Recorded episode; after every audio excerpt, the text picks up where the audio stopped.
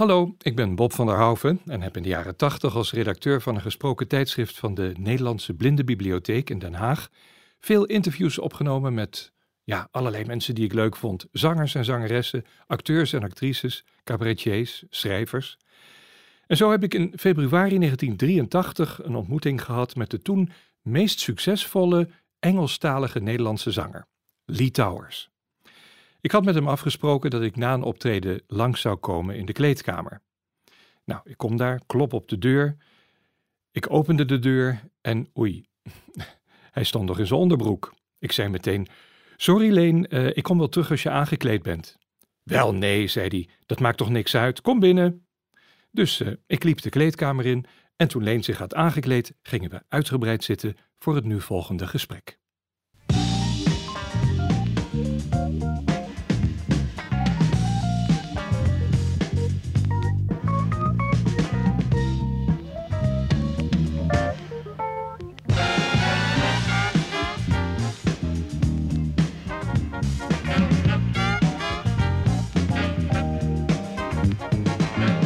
I told you, baby, I told you how I feel.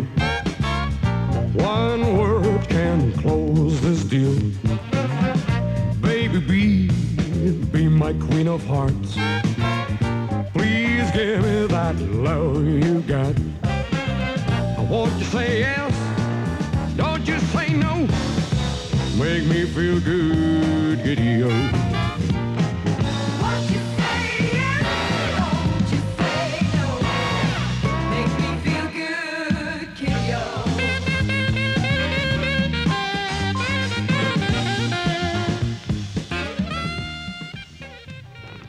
Keer zijn we op bezoek in de kleedkamer van Lee Towers. Dat is zijn artiestennaam, je werkelijke naam is? Is Leen Huizer. Leen Huizer. Uh, we houden het dus maar even bij Leen. Leen, uh, jij bent in 1975 in dit vak terechtgekomen. Kun jij iets over die omschakeling van je oude werk naar dit werk vertellen? Nou, uh, het is zo gegaan ik zal het eh, een klein beetje kort maken, want dat wordt een lang verhaal. Dat ik uh, vanaf mijn vijftiende jaar al in de, muziek zit. Ik was dus 15, toen had ik al mijn eigen bandjes. En uh, dat heeft zo'n jaar of 13, 14 geduurd voordat ik dus echt beroeps werd. Dus het is inmiddels alweer ruim 21 jaar dat ik muziek maak. Maar die stap van amateur naar beroeps, was dat een grote stap voor jou of een vanzelfsprekende stap? Het ging vanzelf. Het ging, ging vanzelf. Ik, uh, op een gegeven moment uh, kwam ik in diverse clubs terecht. En ik kreeg steeds minder tijd nog om mijn vaste werk te doen. En ik had een, uh, alle medewerking van mijn baas, die me gewoon alle vrijheid gaf. Als ik laat gewerkt had, dan mocht ik gewoon s wat later beginnen. En dat is van lieverlee is dat uitgebouwd totdat ik op, op laatst uh, nog maar één of twee dagen per, per week kwam. Maar toen gebeurde er inmiddels alweer zoveel dat het, uh, het personeel van het bedrijf waar ik werkte, dat kwam uh, veelvuldig op me af als er weer iets gebeurd was, weet je. Dus die wilde op de hoogte blijven, dus op laatst deed ik bijna niks meer. En dat vond ik achteraf natuurlijk ook niet zo leuk voor die baas. Maar ik heb er nooit geen problemen mee gehad en ik heb alle medewerking gehad. Dus ik ben er gewoon eigenlijk ingegroeid, zo kan je het zeggen. Het is een, geleidelijke overgang geweest. Um, ja, er zijn een aantal eh, LP's inmiddels van jou verschenen in die zeven jaar die achter ons liggen. Um, kun je er een paar van noemen? Nou, ik heb uh, tien LP's gemaakt. Uh, de eerste dat was uh, VSOP, dat was een daar leverde ik eigenlijk een soort bijdrage aan een instrumentaal uh, gebeuren. Dat is uitgegroeid tot wat het nu geworden is. Uh, uh, daarna heb ik dus negen solo platen gemaakt. En een aantal daarvan, de eerste was It's Raining in My Heart. En Castle Pay, Still Loves You. Later maakte ik Definitely. Daar kreeg ik de Edison en de Tros Productieprijs voor. Sincerely, App, weet je. Ja, absolutely. En de laatste is dus uh, New York. Zo'n uh, onderscheiding als een Edison, wat betekent dat voor jou? Ja, nou kijk, een, een Edison die kan je met met zoveel platen verkopen kan je hem niet krijgen, weet je. Dus dat is een kwalitatieve onderscheiding voor het, het product wat je gemaakt hebt. En als zodanig ben ik daar natuurlijk verschrikkelijk blij mee. Eh, nog eh, des te meer eigenlijk, omdat het ook nog verschrikkelijk goed verkocht heb. En eh, ja, je kan natuurlijk de mooiste prijzen van de wereld krijgen. Maar als een product wat je maakt niet bij een publiek aanslaat, dan kunnen ze je wel een schoonheidsprijs geven. Maar in feite doe je daar dan natuurlijk niks mee. Je bereikt daar niet een bepaalde groep mensen mee. En wat dat betreft ben ik dus heel gelukkig dat ik, eh, behalve dat ik ook op, op een commerciële basis aan de weg timmer, hè, dat het dus verkoopt, dat je ook kwalitatief eh, als goed beoordeeld wordt. En ja, daar kan, je alleen maar blij mee zijn. Je zingt in het Engels. Betekent dat ook dat je platen ook uh, in het buitenland verkocht worden? Nee, nou, behalve België. Maar ja, België vind ik niet echt het buitenland. Dat, dat is uh, gemakshalve sluit ik dat gewoon uh, een soort achterland van Nederland, vind ik, vind ik dat altijd.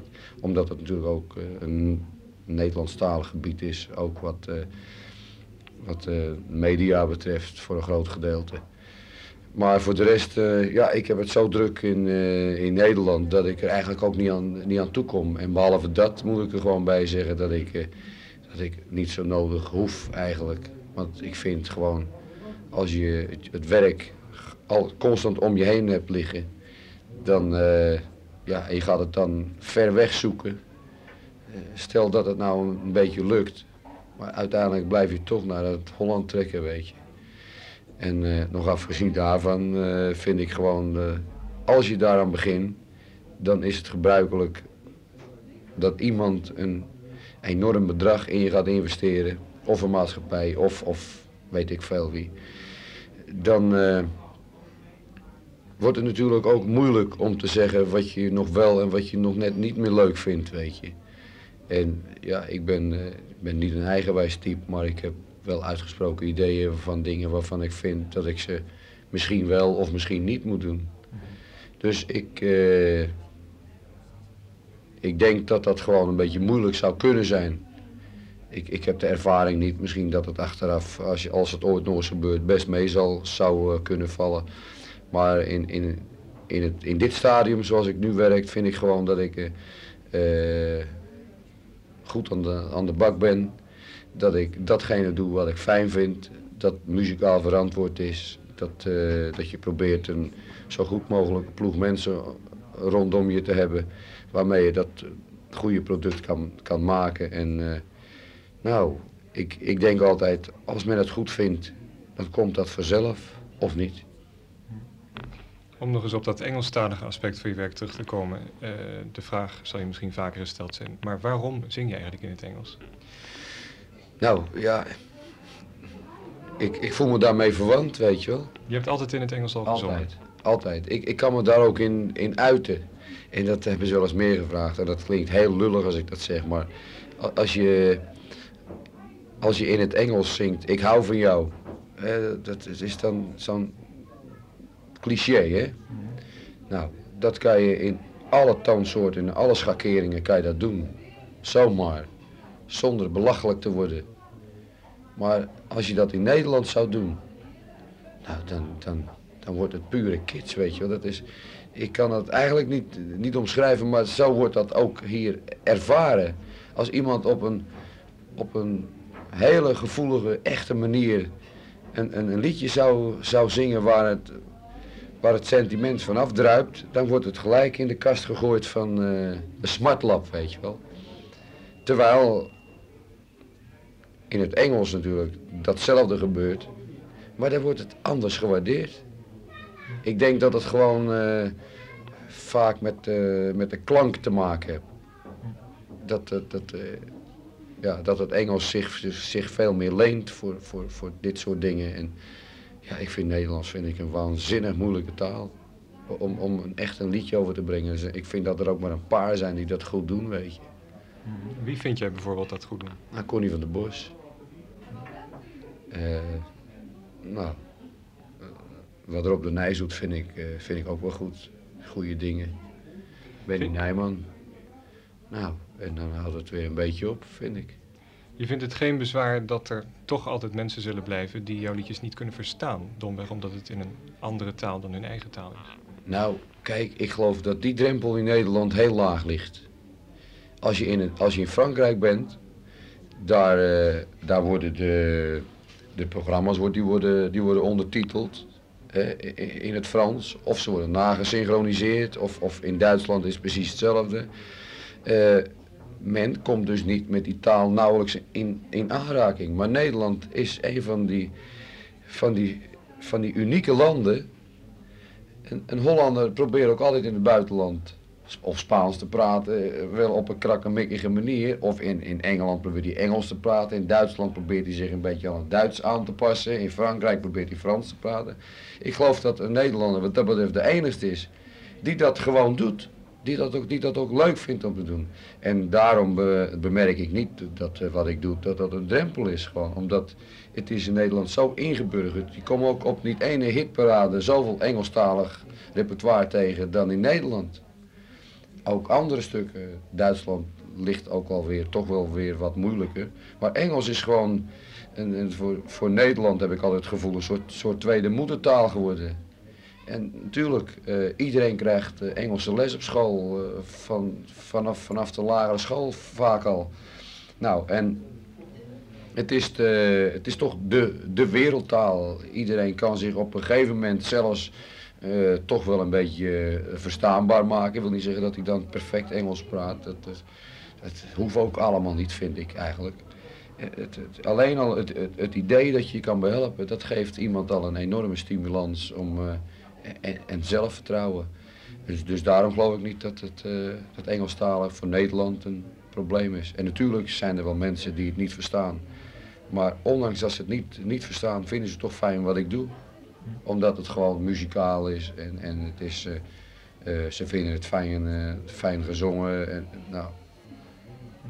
Want een heleboel mensen die weten vaak niet eens waar je, het, waar je het over hebt, maar ze vinden het toch fijn. Dat is nou dat onverklaarbare.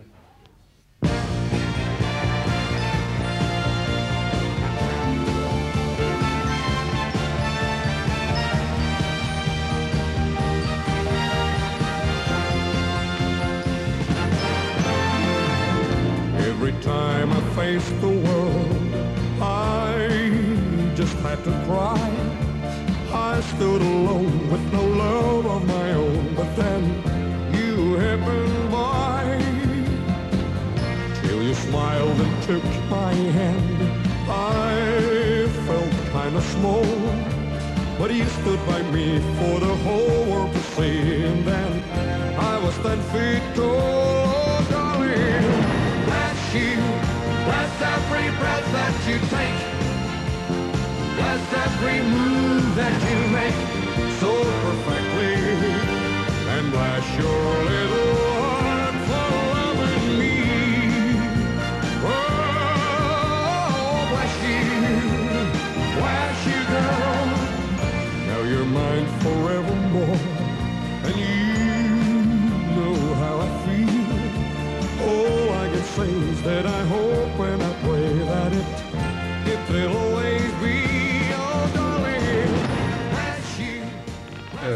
je werkt op je platen meestal met vrij brede orchestraties, veel strijkers en andere instrumenten. Heeft dat je voorkeur of vind je het ook fijn om met een kleinere bezetting te zingen? Nou, ik, uh, dat is iets wat ik, uh, waar ik best erg trots op ben. Dat ik een van, van de weinigen ben in Nederland die zich ook dat kan veroorloven, moet ik zeggen. Want uh, het zijn natuurlijk nogal uh, wat investeringen die daarvoor uh, moeten gepleegd worden. Maar ja, ik heb natuurlijk een enorm geluid. En dat leent zich dan natuurlijk bij uitstek voor een groot orkest. ik hou van swingende muziek, het swingt de pan uit. Het, ik hou van ballads, maar ook die, die commerciële kant, die wordt niet veronachtzaamd. En ja, ik vind het ik vind het altijd fantastisch om zo'n orkest achter me te hebben. En zeker, uh, ik ga het altijd in Londen opnemen. Daar zit de top van de, van, de, van de wereld. Op die laatste LP bijvoorbeeld heb ik met hetzelfde orkest opgenomen waar Barbara Streisand de laatste opnames mee in Londen gemaakt heeft. Nou, dat is, dat, dat is helemaal te gek. It's raining in my when you're not here with me. If we would ever part, you couldn't set me free. For always you and me.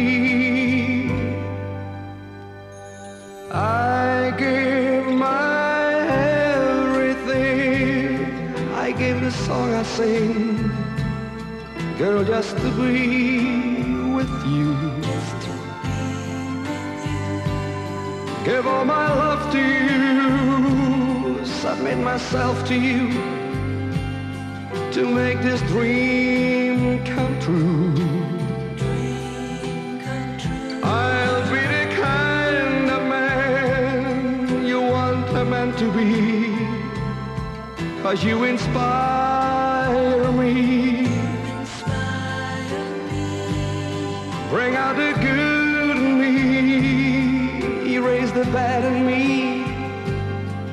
change my destiny.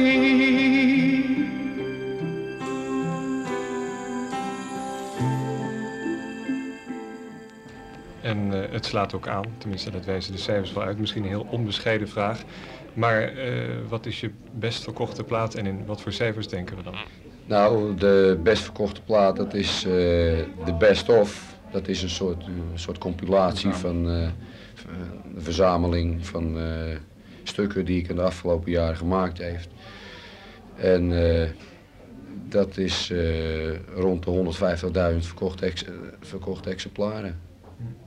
Wat voor metaal wordt dat dan? Want dan zijn we al boven platina uit, geloof ik. Hè? Ja, 100.000 is platina. En eh 200.000, dan krijg je platina met een paar van die briljantjes erop. Ja. Ja. ja, het is wel leuk. Het is natuurlijk toch je klankbord, weet je. Daarom zeg ik altijd, je kan natuurlijk een verschitterend pro- product maken, maar als niemand dat product wil kopen, nou, eh, dan eh heeft dat ook geen enkele zin. Is leuk voor jezelf. is net als die kunstenaar eh, die een schitterend schilderij maakt met een bepaalde subsidie en wat dan in een, een grote loods terechtkomt. Na vijf jaar liggen ze vier centimeter stof op. Nou, die man wordt natuurlijk niet echt gestimuleerd. Wel wanneer dat product ook nog verkocht wordt. Wanneer hij weet dat het bij iemand hangt. Dat is een psychologische factor die, denk ik, eh, heel belangrijk is. Voor publiek optreden is inmiddels voor jou een bijna dagelijkse bezigheid geworden. Ehm, bekend is natuurlijk het eh, feit dat jij eh zowaar carré volgekregen hebt. Hoe was die ervaring voor jou? Nou ja, dat is wel leuk om dat verhaaltje te vertellen. Kijk, het begon niet bij, bij Amsterdam natuurlijk. Ik, eh, op een gegeven moment, toen, toen zaten we te filosoferen van dat het zo vreemd was eigenlijk voor Nederlandse begrippen. Dat dat bij ons nooit gebeurde, zoiets. Dat moest altijd iemand vanuit Amerika komen. En Frank Sinatra, of Andy Williams, of een Sammy Davis, of een... eh, Barbara Streisand. Nou ja, dat weet ik niet eens of ze hier geweest is. Maar eh, in ieder geval van dat gehalte. En die gingen dan in, of in de Schouwburg staan, of waar dan ook. En dat vindt men dan heel gewoon, weet je wel. Toen dacht ik, ja, is toch eigenlijk van de gekken, weet je wel. Dat, dat, dat, dat, moet dan, dat moet dus kennelijk kunnen.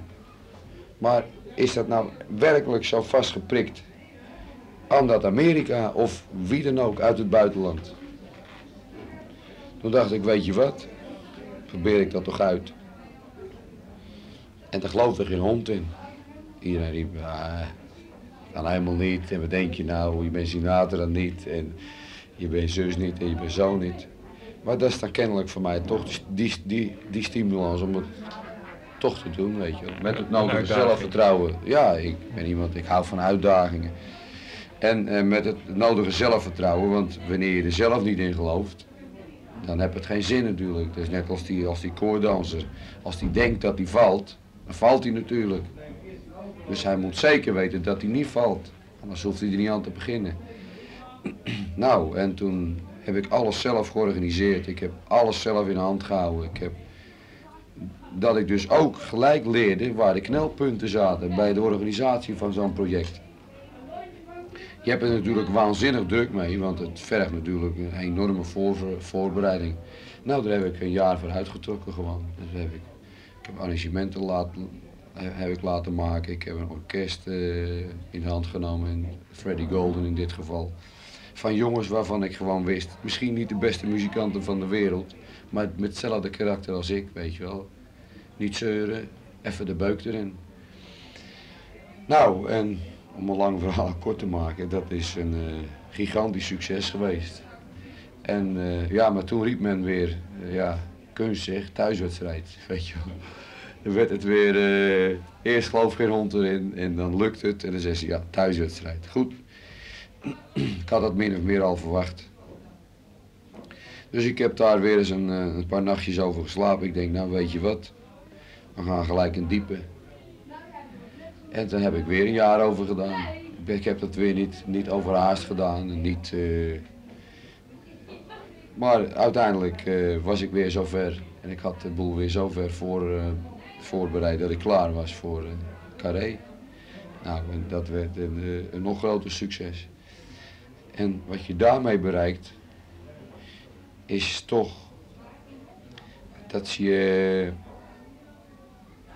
als je dat hebt kunnen flikken, dan word je pas voor vol aangezien, weet je wel. Dan heb je die hele meute achter je gelaten. Ik bedoel dat niet, uh, niet negatief. Maar ze blijven je natuurlijk in principe in dit circuit op die grote hoop gooien. Of dat je nou Jantje, Pietje of Klaasje bent. Uh, je snabbelt en je doet zus, je doet zo, dan doen ze allemaal.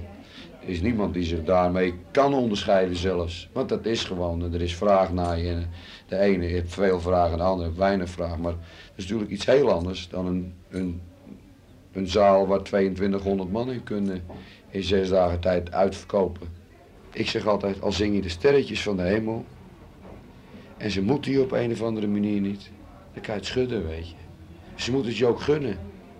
Ze moeten het je gunnen. En ik denk dat als je de kwaliteit hebt en de mensen gunnen het je, dan kan je het verschoppen. En zit daar iets tussen dat je wel kwaliteit hebt, maar dat je op een bepaalde, bepaalde manier verkeerd overkomt. Doordat ze, dat hoeft altijd niet uh, bewust te zijn. Iemand kan onbewust een verkeerde uitstraling hebben. Iemand kan onbewust agressie oproepen. Doordat hij een, een, een agressief uiterlijk hebt of zo. Of, of zich op een agressieve manier vaak uh, spuit het voort, voort uit een uit een soort minderwaardigheidscomplex. Dat ze zich daardoor een houding aanmeten die uiteindelijk toch niet bij ze past. Dat dat van die belangrijke factoren zijn, weet je. Maar die vallen moeilijk te omschrijven. Ik zeg altijd, je hebt het kennelijk of niet. En als je het niet hebt, al ga je dan op je kop staan en al doe je dus, zing je dan de sterretjes van de hemel. Op een bepaalde manier moet je bij die mensen overkomen en ze moeten het je gunnen. En heb je dat niet, nou dan houdt het op. Je laatste LP die heet New York, New York. Uh, het titelstuk daarvan is een wereldhit geweest, gezongen door Frank Sinatra. Vind je dat nou niet gewaagd om zoiets nou opnieuw op de plaat te gaan zetten? Ja, dat was ook weer een uitdaging, weet je. Ik vond het zo'n verschrikkelijk fijn stuk. Ik heb het altijd fijn gezongen, graag, graag gezongen. En men vroeg om dat stuk steeds vroegen ze, de mensen vroegen om New York, terwijl ik het nog niet eens opgenomen. Maar ik had het wel op een band gezet. Ik had er wel een, een, een orkestband van gemaakt. Dat is zo'n band waar je dan gewoon bij zingt, weet je wel. Daar staat niet, niet de stem op. Maar men vroeg daar gewoon om. Als ik ergens geweest was en ik deed New, ik deed New York niet, dan begonnen ze erom te roepen. En ze zeiden, joh, eh, op welke plaat staat, staat dat? Want ze dachten, als je het op, op, op een band hebt, hebt hij het kennelijk ook op een plaat. Nou, ik zeg, dat heb ik niet op een plaat. Goh, moet je opnemen, dat is een goed stuk. En, uh, ik, dacht, ik dacht, en ik vond het zelf ook een fijn stuk om te doen. Dus ik heb dat uh, door uh, geweldige arrangeur laten bewerken. We hebben het toch weer iets anders gedaan dan ik doe het toch op mijn eigen manier en goede trailer eraan gemaakt. Nou, en ik vind het best een uh, heel goede uitvoering geworden. Daar ben ik zelf best trots op.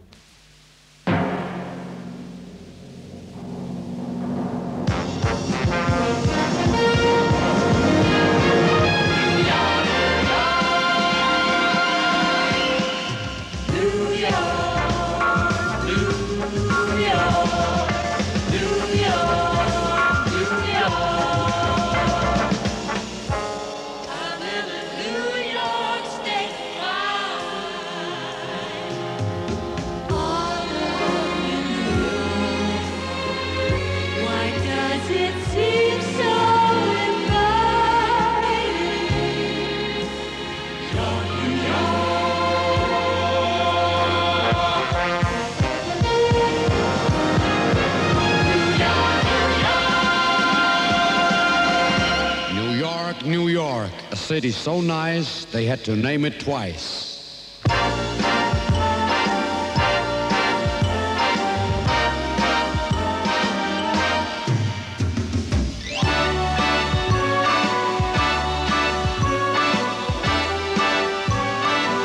Start spreading the news. I'm leaving today. I wanna be part of it. New York, New York. These vagabond shoes are longing to stray and step around the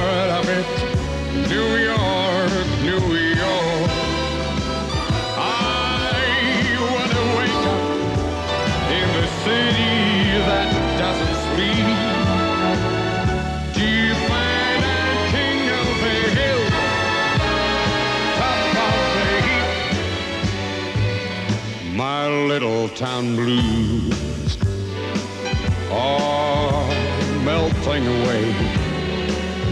I'll make a brand new start of it in old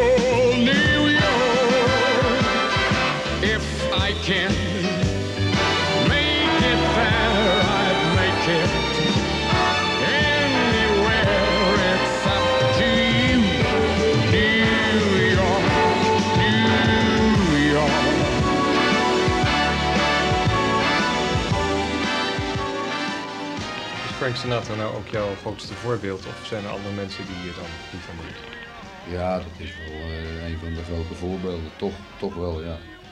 Eh, de frasering en de timing van die man die zijn eh, natuurlijk nou ja, overbekend. Zijn tekstbehandeling is, is waanzinnig. Dat is zijn muzikaliteit in de stukken, zijn arrangeurs waar hij altijd mee werkt. Kijk, dat kan in, in, in, in de States kan je je veroorloven om constant dat soort dingen te doen. Als je helemaal gevestigd bent, dan hoef je daar niks anders mee te doen. En dat zou ik natuurlijk ook het liefst willen. Maar ja, goed, dan moet je de realiteit er onder ogen zien. En dan moet je bedenken dat eh, het mooiste product, als het niet verkocht wordt, dan heeft het ook geen zin om zoiets te doen. Dus vandaar dat ik ook altijd rekening houd met de, met de, met de commerciële kant van een plaat maken. En ook eh, voor een zo, zo breed mogelijk publiek probeert die plaat te maken. Wat jij dan misschien niet mooi vindt, vinden anderen juist wel mooi. En eh, op, op die manier ben je natuurlijk heel erg breedschalig bezig. En eh, ik vind het zelf ook wel fijn. Ik, ik werk van, eh, vanuit het bejaardentehuis eh, tot, aan de, tot aan de discotheek. En eh, En eh, in de afgelopen tien jaar zijn er dus maar liefst tien platen van je verschenen. Kun je nou eh, een bepaald nummer noemen wat je erg fijn vindt om te zingen bij optredens?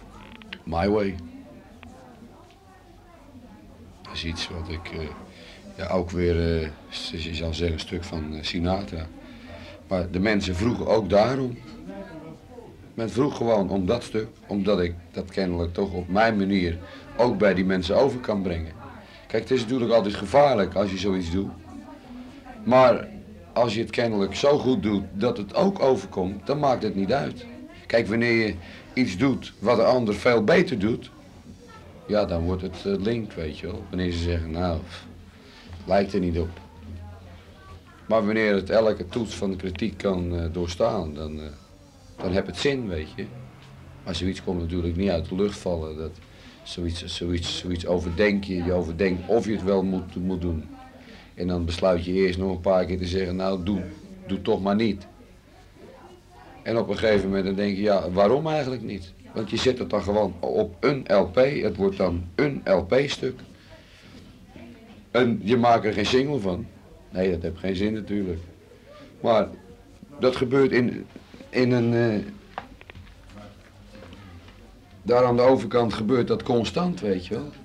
Daar worden ook door, door iedereen hun versie op de plaat gezet. De Hungry Years is, is van, van Neil uh, Sedaka. En dat zet ook uh, uh, Neil Diamond op de plaat, bijvoorbeeld. Of een, een Andy Williams. En, ja, Rob de Nijs in het Nederlands. Rob de Nijs in het Nederlands. En Murray heb ik geloof ik ook op, opgenomen. Dus dat kan gewoon, want iemand die mij koopt, en die dat fijn vindt, nou, die vindt dat fijn omdat ik dat zing. My Way is een van je lievelingsnummers. Uh, ja. Kun je misschien heel even laten horen hoe het begint? Wat bedoel je? Uh, de eerste zin. Oh, deze. And now the end is near.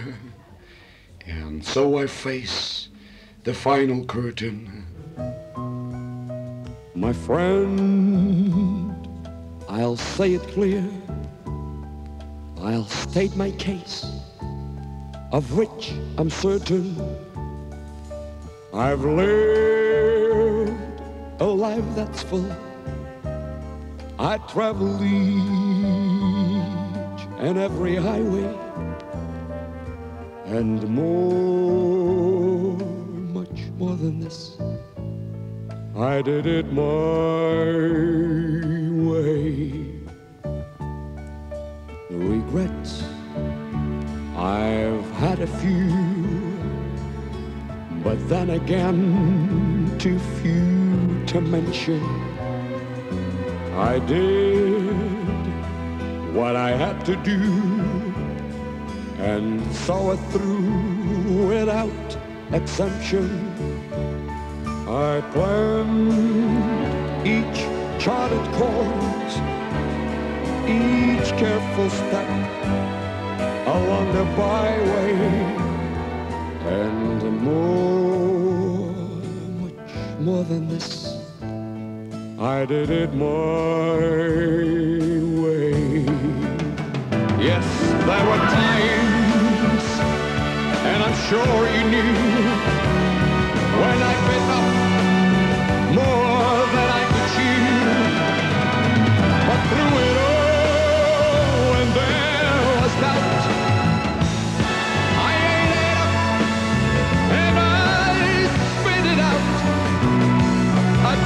it all and I stood tall and it my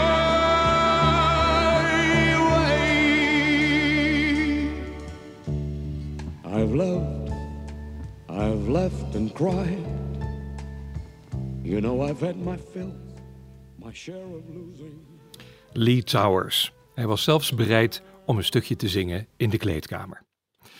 Ja, na de tien albums die hij in 1983 al op zijn naam had staan, heeft hij er nog 18 gemaakt, zodat de teller inmiddels op 28 staat. Het was hem dus gelukt destijds om Carré vol te krijgen en toen had hij de smaak te pakken. Hij waagde de sprong naar de Ahoy die hij twee keer achter elkaar wist uit te verkopen. Lee Towers was de eerste Nederlandse artiest die in zulke grote zalen optrad. Later zouden er nog heel wat concerten en shows in Ahoy volgen, onder andere met Anita Meijer. In 2017 heeft Lee Towers de Edison Oeuvreprijs ontvangen voor al zijn werk en zijn bijzondere verdiensten voor de Nederlandse muziek. En vorig jaar, misschien weet u het nog, was hij te zien en te horen met zijn kenmerkende gouden microfoon in het tv-programma De Beste Zangers van Nederland. Lee Towers is nog lang niet uitgezongen. En dat is maar goed ook. Tot zover deze podcast. Graag tot de volgende.